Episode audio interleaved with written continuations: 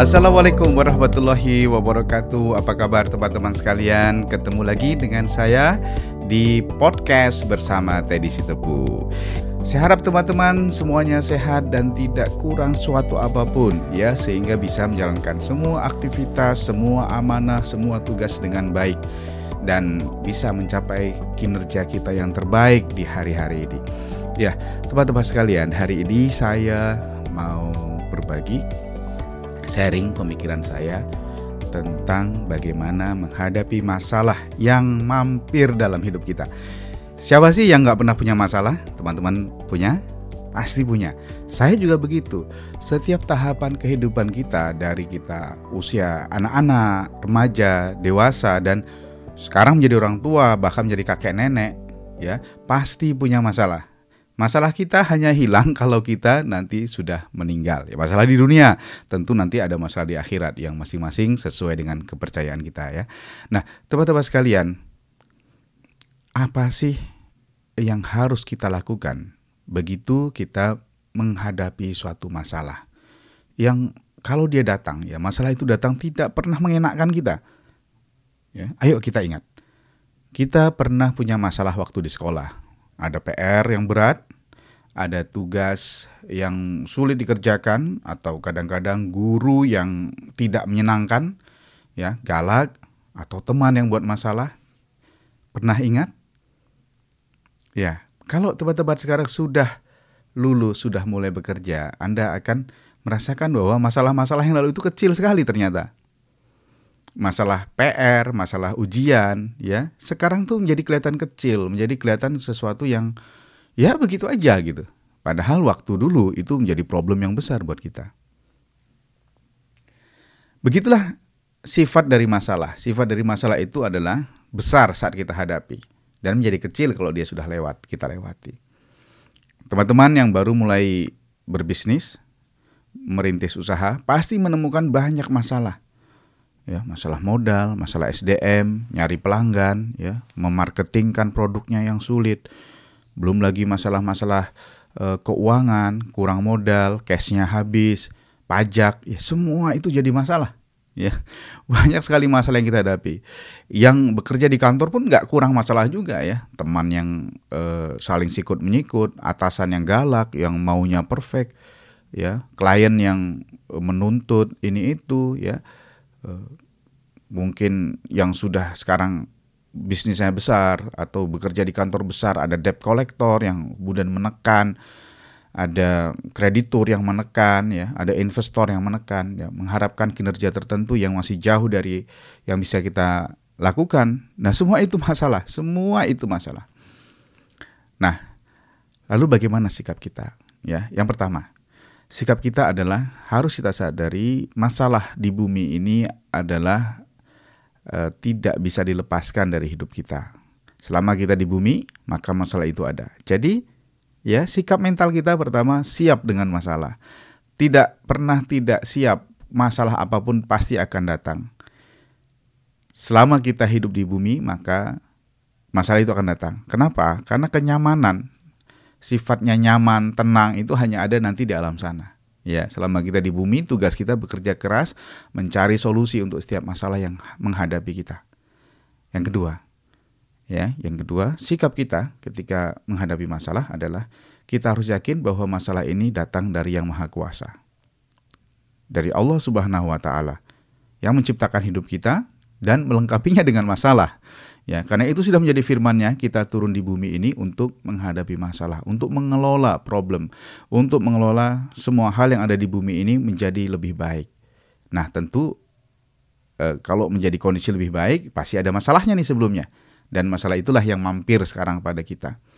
Maka sikap mental kita adalah kita harus sadar setiap masalah itu ditujukan supaya kita lebih mengingat Tuhan kita, ya, mengingat Allah Sang Pencipta, ya, dan menyandarkan diri padanya, hanya Dia yang mampu nanti mengeluarkan kita dari masalah ini. Maka dekatlah padanya. Para sufi mengatakan bahwa tidaklah masalah itu diciptakan kecuali untuk membuat manusia lebih dekat kepadanya. Ya, jadi begitu terima masalah, yes. Oke, kembali kepada Allah Subhanahu wa taala. Kembali kepada Sang Pencipta, sandarkan diri padanya, minta kekuatan padanya, minta petunjuk darinya, minta hidayah darinya. Insya Allah semua masalah akan menjadi kecil karena kemudian kita e, melibatkan Sang Pencipta ya yang pemberi hidup ini dan yang nanti menjadikan solusi buat kita. Oke. Yang ketiga, sifat kita ketika mendapat masalah adalah satu eh, kita harus introspeksi diri, ya, harus uh, meneliti kembali bagian-bagian hidup kita dari yang besar maupun yang kecil. Kenapa? Karena setiap masalah itu tidak bisa terlepas dari sikap hidup kita sehari-hari. Cara kita mengelola uang misalnya, maka pada ujungnya akan membawa kita pada permasalahan terkait dengan uang. Masalah kesehatan, ya, tidak bisa dilepaskan dari aktivitas sehari-hari kita, cara kita mengelola tubuh dan kesehatan ini ya masalah pekerjaan di kantor, masalah karir, itu tidak bisa dilepaskan dari kebiasaan kita, dari sikap kita, ya, keseharian kita dalam mengelola pekerjaan. Apalagi, ya, banyak. Kita misalnya punya masalah bisnis, ya, maka masalah bisnis itu tidak bisa terlepas dari kebiasaan kita, ya, attitude kita, sikap kita dalam mengelola bisnis kita sehari-hari. Dan demikian seterusnya, apa pun masalah yang dihadapi, maka introspeksi dirilah, carilah penyebabnya. Biasanya ada di sikap kita, ada di kebiasaan kita, ya, ada di keseharian kita yang kemudian membawa kita pada masalah itu. Oke. Yang keempat, pelajari ilmunya, ya, pelajari ilmunya. Semua masalah itu pernah dilalui oleh orang lain ya.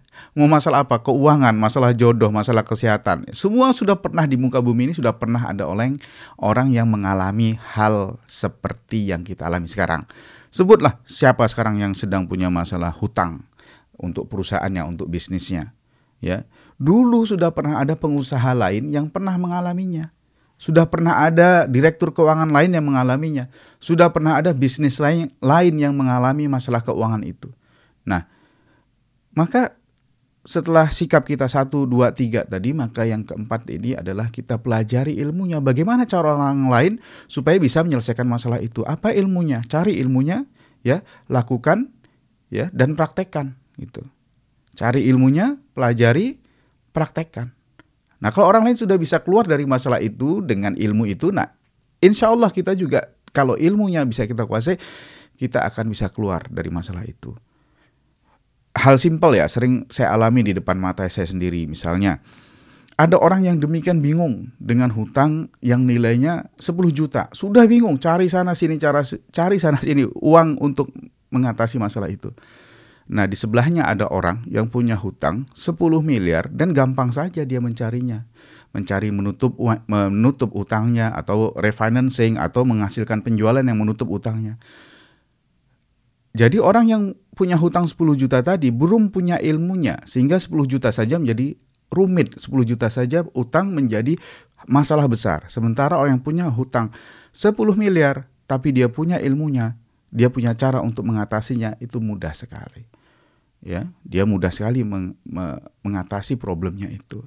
Demikian juga analogi untuk berbagai hal lain ya, masalah kesehatan. Kita bingung gitu dengan obesitas ya, kegemukan, badannya tidak sehat, banyak kolesterol.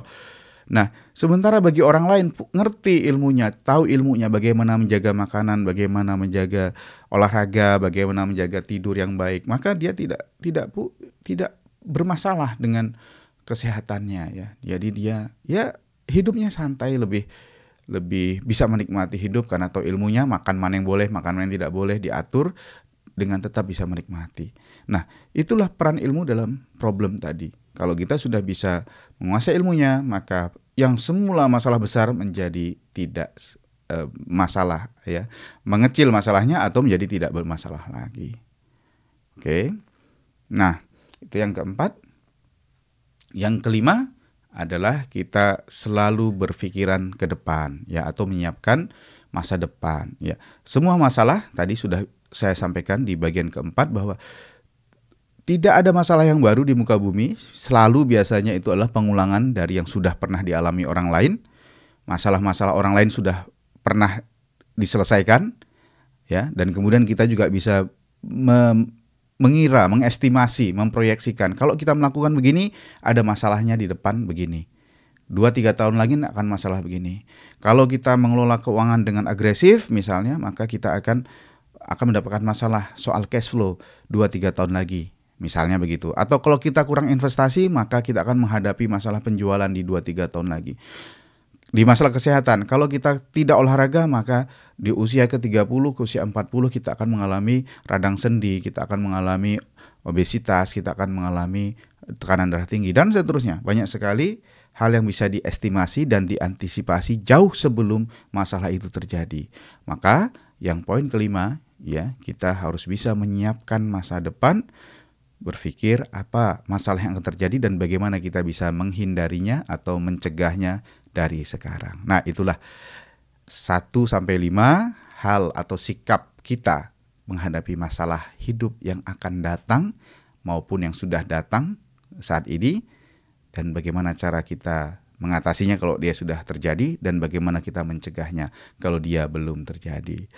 Mudah-mudahan bisa memberi inspirasi tempat-tempat sekalian ya. Ayo kalau sekarang masalahnya masih ada, hadapi, cari ilmunya, ya, sandarkan diri pada yang kuasa dan mari kita selesaikan masalah itu. Tidak pernah mundur, jangan pernah mundur dari masalah, selesaikan.